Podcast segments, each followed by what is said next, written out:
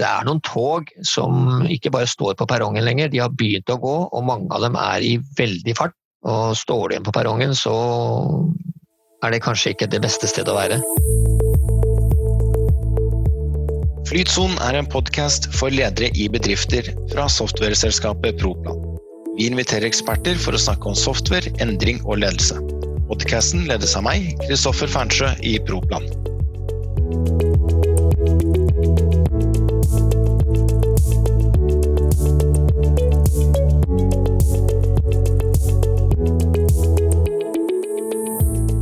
Hei og velkommen til første episode av Flytsonen. Som dere hørte i introen, så er dette en podkast hvor vi skal ta for oss trender i markedet. Selv heter jeg Kristoffer Fernsjø, jobber som selger hos Proplan. Og i dagens episode skal vi ta for oss selgerrollen. Hvordan denne rollen er i endring fra fysisk til digital atferd. Dagens brannfakkel. Finnes det selgere om ti år? Er det bare å omstille seg, eller vil det digitale ta over? Og er da tiden hvor relasjoner er viktig, forbi? Vi kommer til å invitere med oss spennende gjester til hver episode for å snakke om de mange forskjellige temaene. Og i dag slår vi allerede på stortromma med to gjester. ene er en god kollega av meg, med Jan Elling, som representerer Old School-selgeren. Og velkommen, Jan Elling. Hei, Kristoffer. Takk for den introduksjonen. det kan vi ikke starte litt med deg, Jan Elling. På hva vil du si kjennetegner deg som selger og din selgeratferd som da denne old school-selgeren? Jeg har jo alltid sagt at, at, mennesker handler med mennesker, og at mye kommunikasjon eh, krever, skaper også relasjon. Og eh, vi som holder på med salg av ERP-systemer, har jo ofte eh, et relasjonsbyggende salg. Eh, så mye kommunikasjon, det kan være mye detaljer, mye behov som skal dekkes.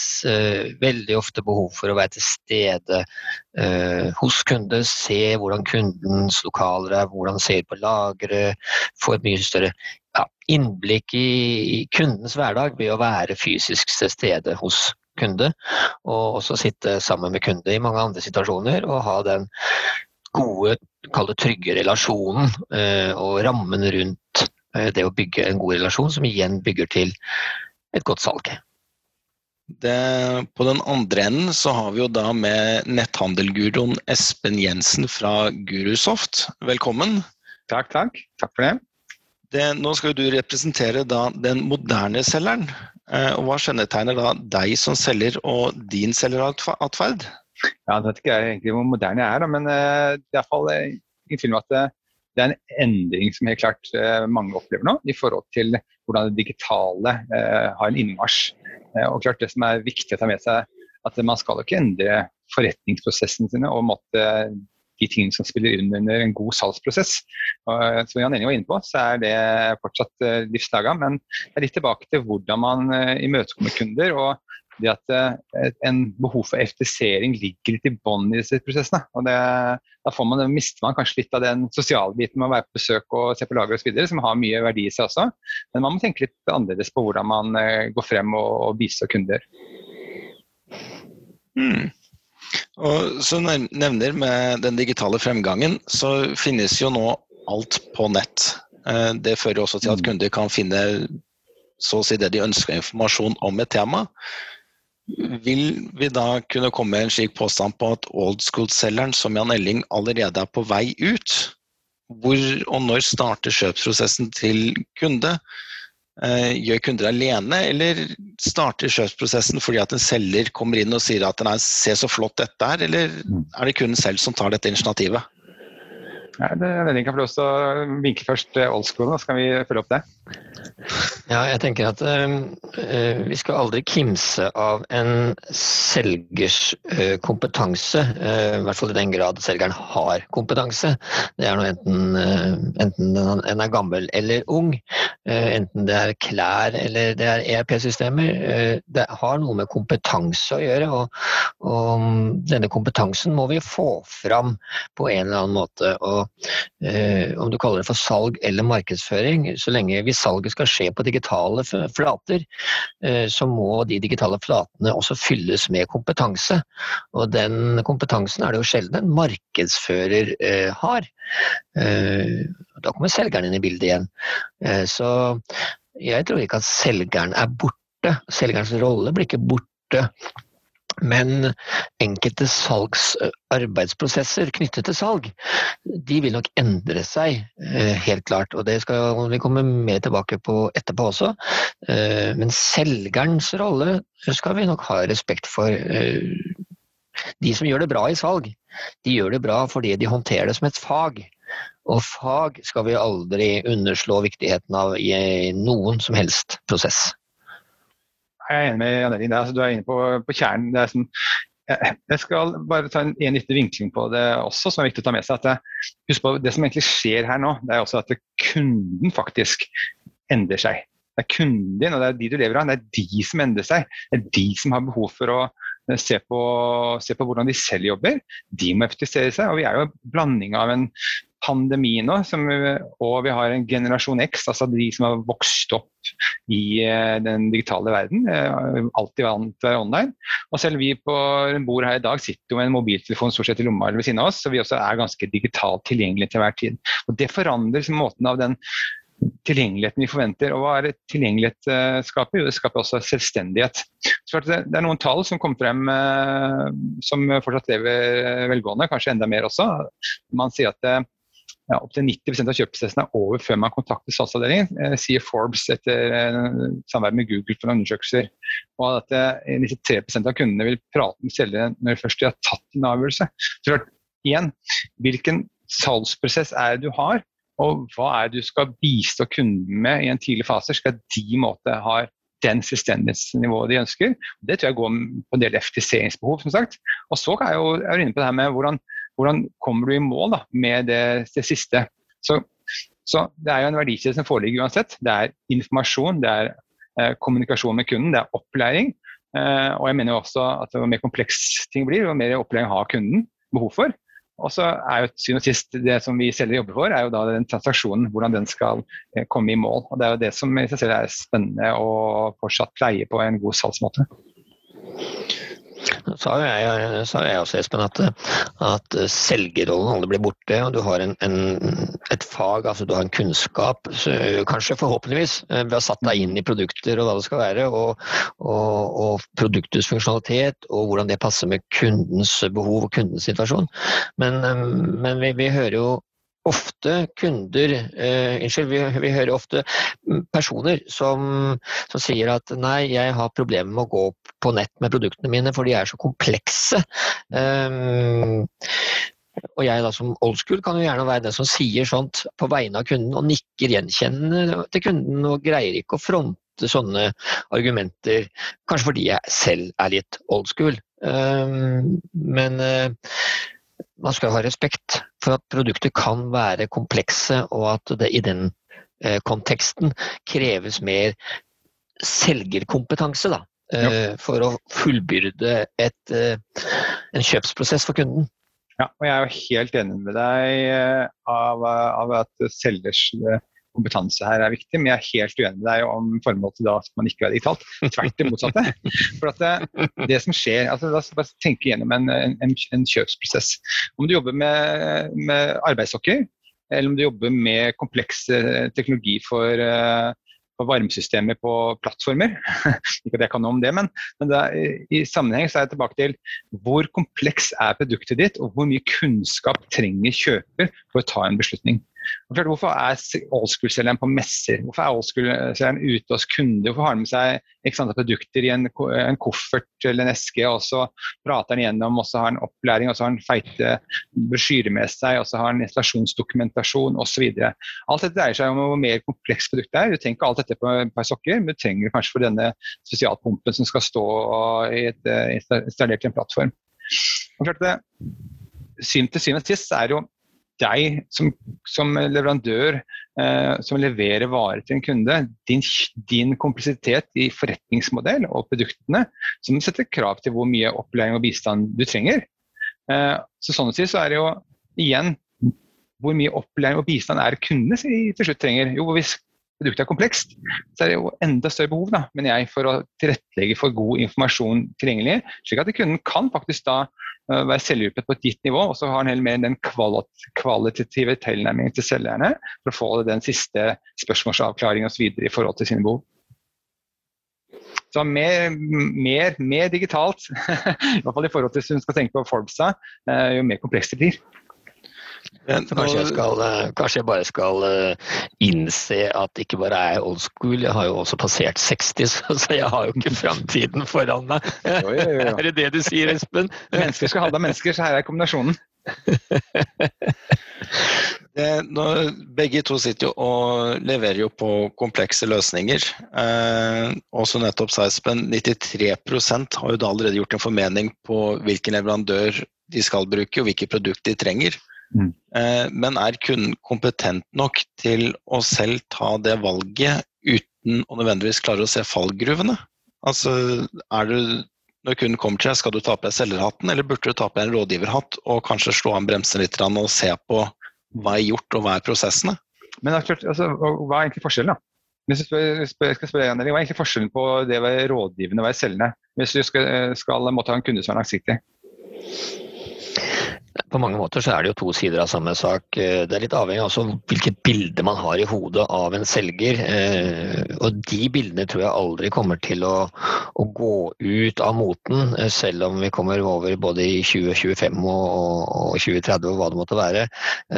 Du har avisselgeren eller, eller mobiltelefonselgeren som står på et torv og, og nærmest trøkker produktene ned i halsen på deg. Du har den berømte bildet av støvsugerselgeren fra 70 60- og 70-tallet som satte foten i døra. Eh, eh, råselgeren er det noen som kaller det. Jeg, vet ikke. Um, igjen, selv om det skal være enkle produkter å selge, så skal du allikevel bygge en relasjon som gjør at kunden har lyst til å komme tilbake til deg og kanskje kjøpe enda et produkt på et senere tidspunkt. Så, så, mm, det er viktig med enhver form for relasjon, tenker jeg. Uten å, og sånn sett um, ha også en, en, rådgivende funksjon. Um, for nettopp å, å, sikre at kunden får en god kjøpsopplevelse. Det er jo kjøpsopplevelse alt sammen handler om for tiden. Hvordan sikre at kunden får en god kjøpsopplevelse. Og da er det sjelden forbundet med å bli råsolgt til, altså. Eller, for da, da, kan du risikere at ja, han var jo en jævla god selger, men jeg skal aldri ha noe mer med han å gjøre. Nei, det er først på den gamle kremmerånden der du, måtte, du, levde av det ene salget, og der du måtte ha en uh, recurring business med en, med, med en forhandler eller en driftskunde eller en større kunde, som da har en tiltro til deg som uh, rådgivende og opplærende for at de til hver tid skal velge riktige produkter. For klart, hvis det faktisk er et, et, en produkt som skal stå inn i en installasjon, uh, og du har gjort en dårlig salgsjobb og det er feil dokumentasjon som følger osv., så, så ender du opp med at det kanskje det kan være kostbart på garantier og andre typer ting, og kundene vil aldri ta i en vare hos deg igjen. Uh, og Det er jo igjen tilbake til hva man skal håndtere. Men jeg vil også bare nevne en ting til i forhold til spørsmålet, Kristoffer. og det er at det, det er jo veldig mye informasjon der ute. Det, blir ikke noe mindre informasjon i samsvar med at ja, Vi snakka om globalisering og internasjonalisering for fem, seks, sju år siden, men det er kanskje mer aktuelt nå. At det er lettere for at eh, eksterne leverandører av tilsvarende varer eh, er synlige eh, fra over landegrenser. Eh, og du også har flere som er markedsinntrengende på der du har ditt fokus. Så klart det, det kan også være at kunden din som har vært hos deg lenge og, og ser på andre alternativer videre, detter litt av. Da. Hvis han ikke får den der key account-opplevelsen og oppfølgingsopplevelsen eh, istedenfor å føle at han eh, drukner i et inntrykk og informasjon og, og ender opp med ikke ta noen beslutning. Jeg ser jo, du, du, var inne på dette, Espen, med, med og Kristoffer også, med, med fallgruber uh, i salgsprosessen. Og fallgruber i det å kunne uh, eventuelt digitalisere for mye av, uh, av salgsprosessen. Um, og det er jeg litt enig i, at man må være veldig forsiktig der med tanke på at kundene faktisk kan orientere seg eh, enten orientere seg i hjel, eller enda verre, orientere seg feil. Mm. Eh, fordi de skal være så selvhjulpne at eh, etter at de har søkt rundt og kanskje søkt og søkt på flere sider, danne seg et bilde av at dette er det jeg skal ha, og så gjør jeg en bestilling. Og så har du egentlig ikke fått det helhetsperspektivet som eh, kanskje en god rådgiver, da, en, en, fysisk person i form av en rådgiver, selger, kall det hva du vil, kan gi. Sette ting kanskje litt mer i perspektiv. Um, utfylle den informasjonen du kanskje har skapt deg, med faktisk å gi deg mer informasjon, altså mersalg, mermuligheter, sette ting i et annet lys, i en annen vinkel, i et annet perspektiv. Um, så uh, igjen, altså ikke glem selgeren og det fysiske mennesket oppi denne digitaliseringsprosessen. Uh, ha respekt for den, enten du kaller den old school eller ikke. Uh, vel og bra med, med digitalisering, men det er altså noen fallgruver i form av at kundene kan informere seg feil og ta beslutninger som er mangelfulle, eller i verste grad feilaktige, og, og som egentlig skaper nye kostnadsbølger i etterkant av valget de har gjort. Ja, Det er inne på en sånn vesentlig ting også som, som en del glemmer. Det går på det med kvaliteten i informasjonen er jo ofte tilbake til er digital, så kommer den ofte fra noen kilder, bl.a. sånn som, som, eh, som ERP-systemet Visma. Og du har en del informasjon der som ligger i forhold til logistikk og økonomiprosessen din. Klart, det igjen, altså det vi opplever, da, at hvis du måtte sette i gang med noe digitalt, og du gjør det ikke skikkelig. Du gjør det ikke på det nivået som er forventa av deg i forhold til den type leverandør du er og den kompetansen du leverer. Ofte jeg spør uh, selskapet hva er de to viktigste tingene de selger på, da. hvorfor eksisterer de? Er det kompetanse, uh, kan produktene sine, og så er det kvalitetsprodukter. Den går sånn, nesten 90% igjen. Og da er man inne på at, okay, okay, Hvordan er det du har overført den kompetansen, og hvordan, hvordan er det sikrer du at du kunne få et kvalitetsprodukt. Så klart at det, Hvis du går digitalt og du gjør det ikke ordentlig, hvis da du går inn på et annet sted og forventer å finne riktige priser, men de er feil, og du veit de er feil, um, så vil du bare ende med å gå tilbake til selgeren din og spørre som sette opp et tilbud for meg. For det du har på nettet, det funker jo ikke. Så det er sånn, Man skal ikke glemme teknologien oppi der også, i forhold til at det er, eh, det er, viktig at man tenker igjennom den kvaliteten som skal forankres gjennom systemet, slik at det, det faktisk er mulighet for å være eh, selvhjulpne på det nivået kunden ønsker. Det drar jo også litt inn på hva kan selgeren gjøre dette. da? Eh, både med da det digitale, så har jo kunden fått et forsprang på mm. dems kjøpsprosess. Eh, og vi snakker jo alltid om hvert fall i selgeryrket, at du må matche kjøps- og salgsprosessen og sørge for at vi kommer i mål likt. Mm. Hvordan får du det til å stemme, da? Hvis, selv, hvis kjøperen allerede har nå søkt etter informasjon i to uker og nærmest tatt et valg, nå skal han bare sikre litt, og så starter du fra scratch første gang du hører fra kunden? Ja, det er jo igjen da, Hva er kilden til at kunden uh, har kommet hit han har kommet? Altså, som sagt, jeg mente enhver transaksjon uh, er et resultat av uh, riktig og god informasjon. Kanskje også behov for en viss kommunikasjon. Man, man kommer an på hvor kompleks kjøpsprosessen er i forhold til produktet og tjenesten. Men, og Det er grunnlaget til at du ender opp med transaksjon. Og klart, hvis du har en, måte, en en, en, portal, en kilde, et vannhull som måtte ivaretar god informasjon og kommunikasjon, så er det et grunnlag til at det, jeg mener, og jeg, vi ser vel egentlig at lojalitet vokser faktisk med digitale prosessen. Det er ikke dette tematisk at da er det så lett å bare hoppe fra steg til steg.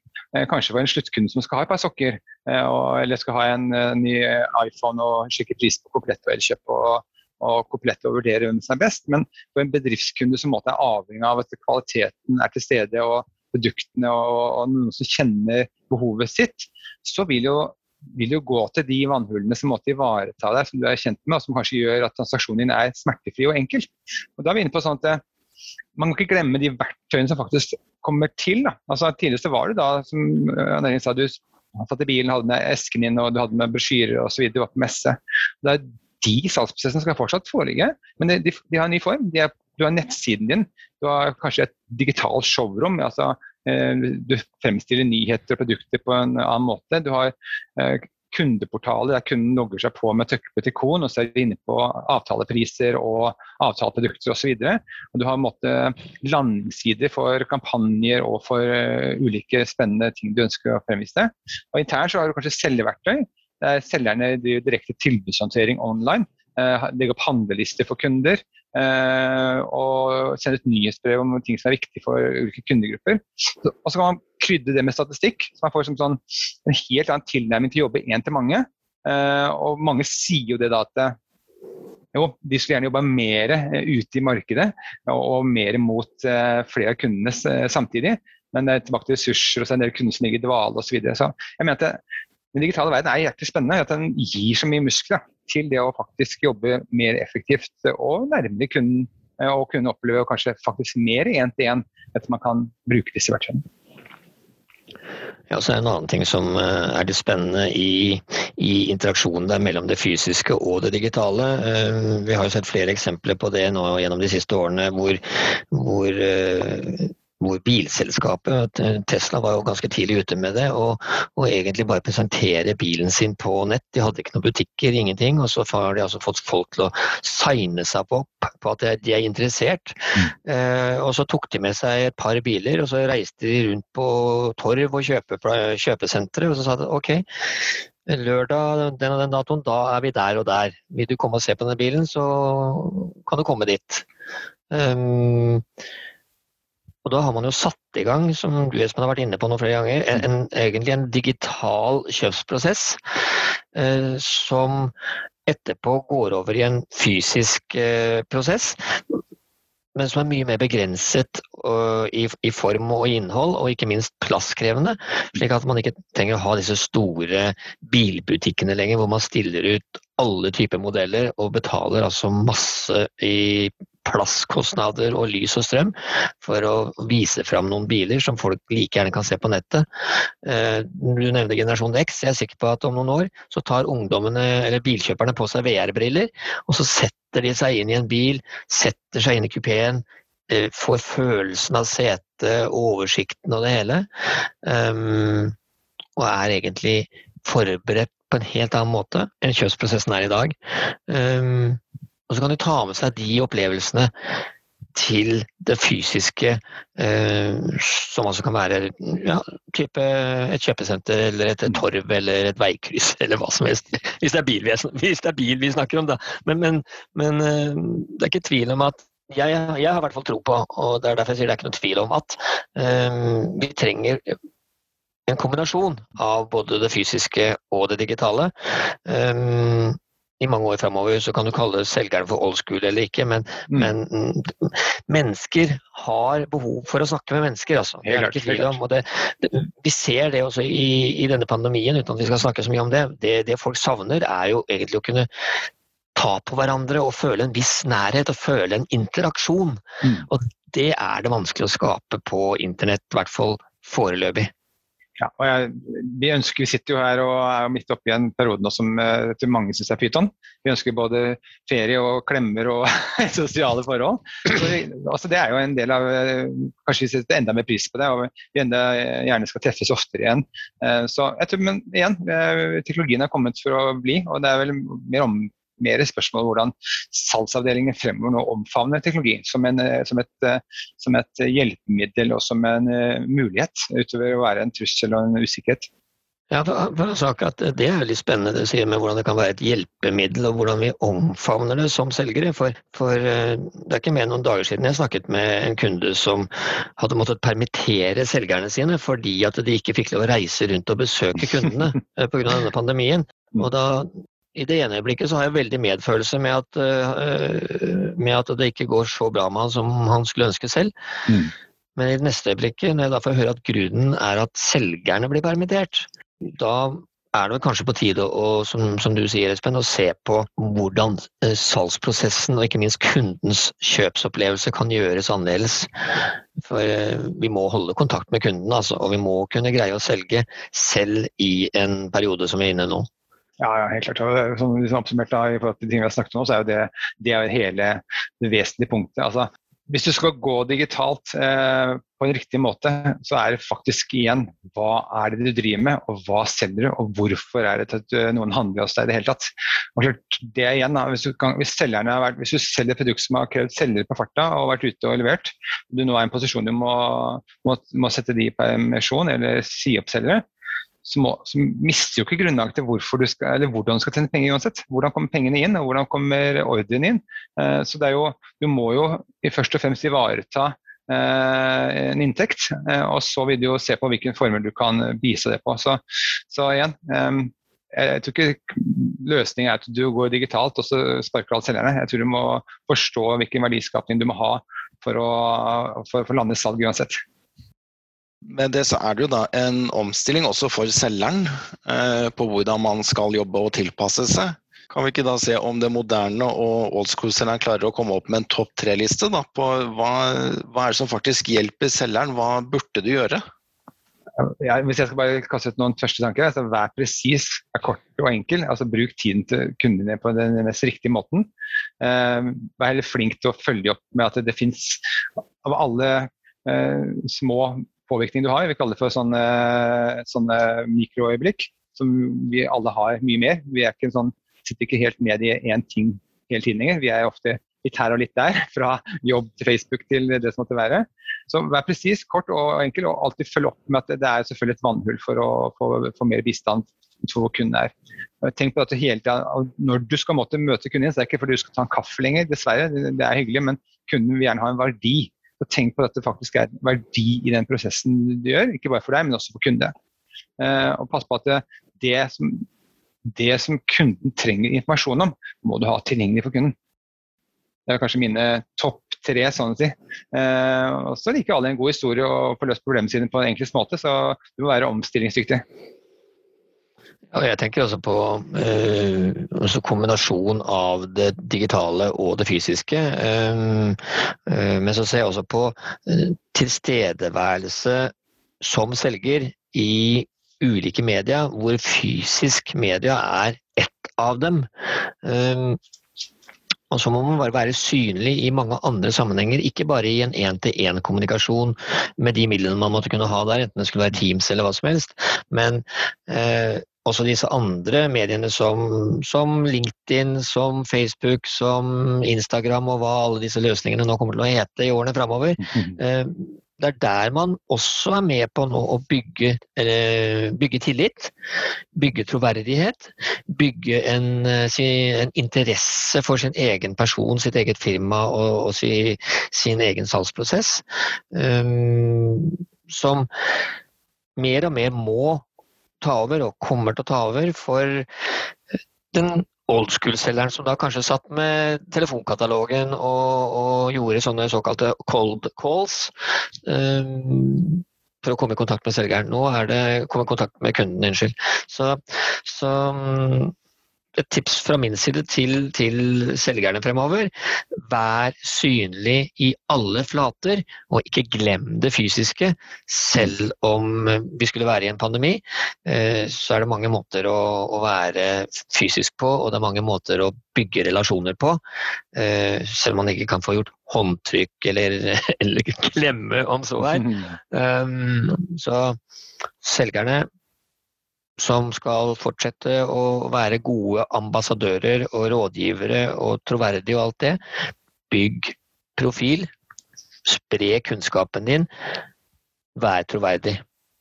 Ja, som vi ser også sånn, for min side, sånn, Vi sitter jo daglig med det jeg kaller forretningsutvikling.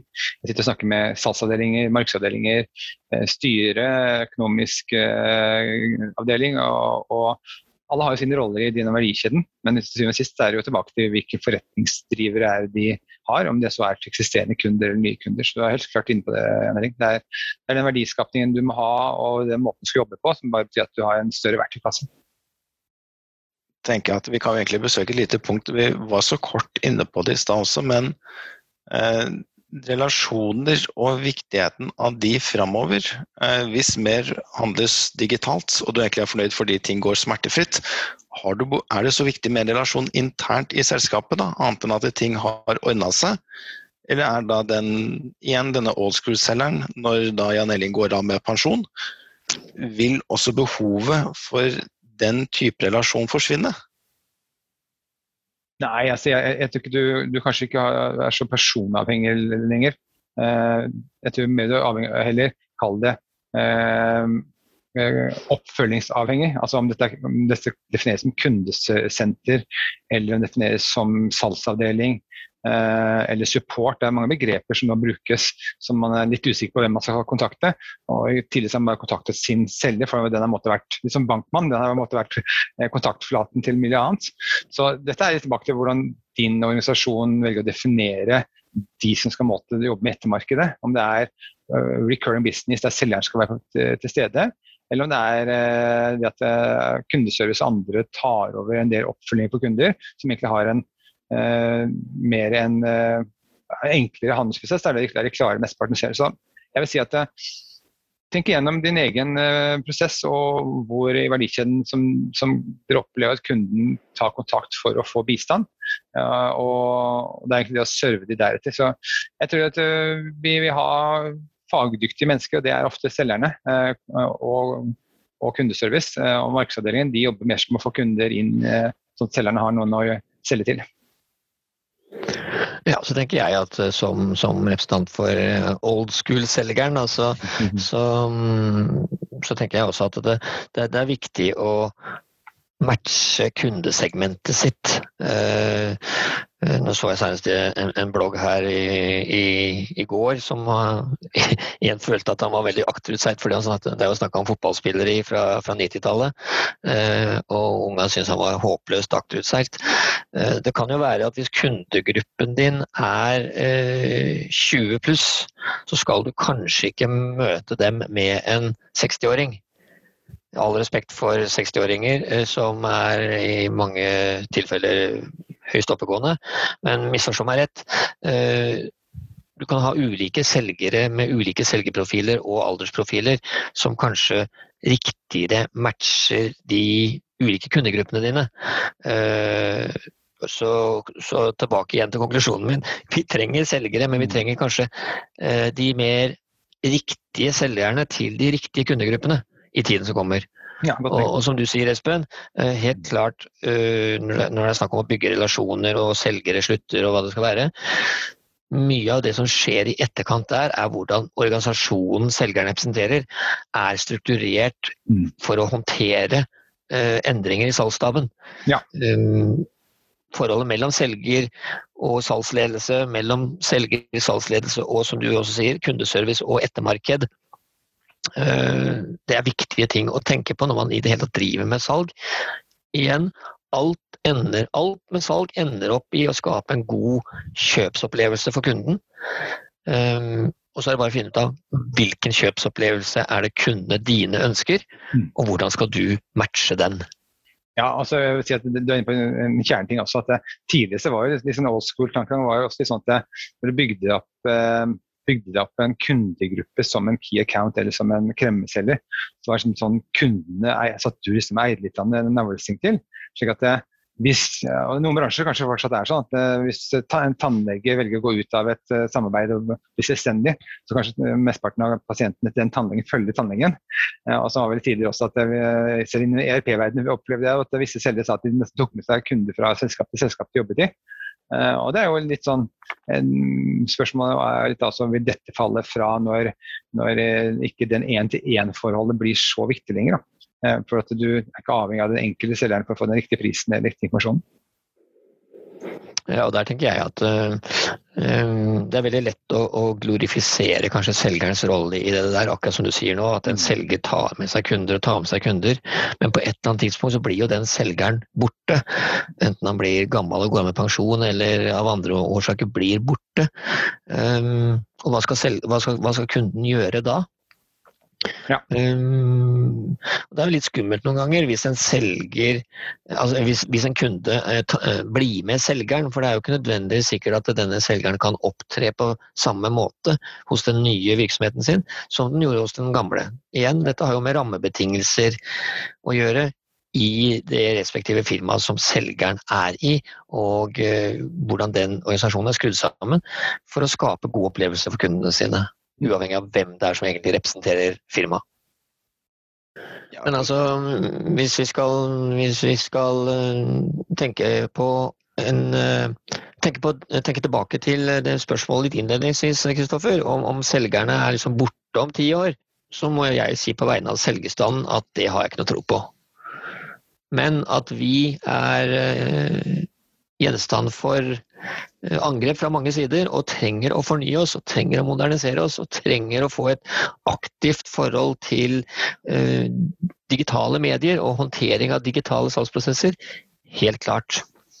Så skal jeg komme med et siste råd til eh, selgerkollegaene mine der ute, så er det å følge med i timen, altså. Det er noen tog som ikke bare står på perrongen lenger, de har begynt å gå, og mange av dem er i veldig fart. Og står du igjen på perrongen, så er det kanskje ikke det beste stedet å være. Så kom deg på et tog, og hold deg oppdatert.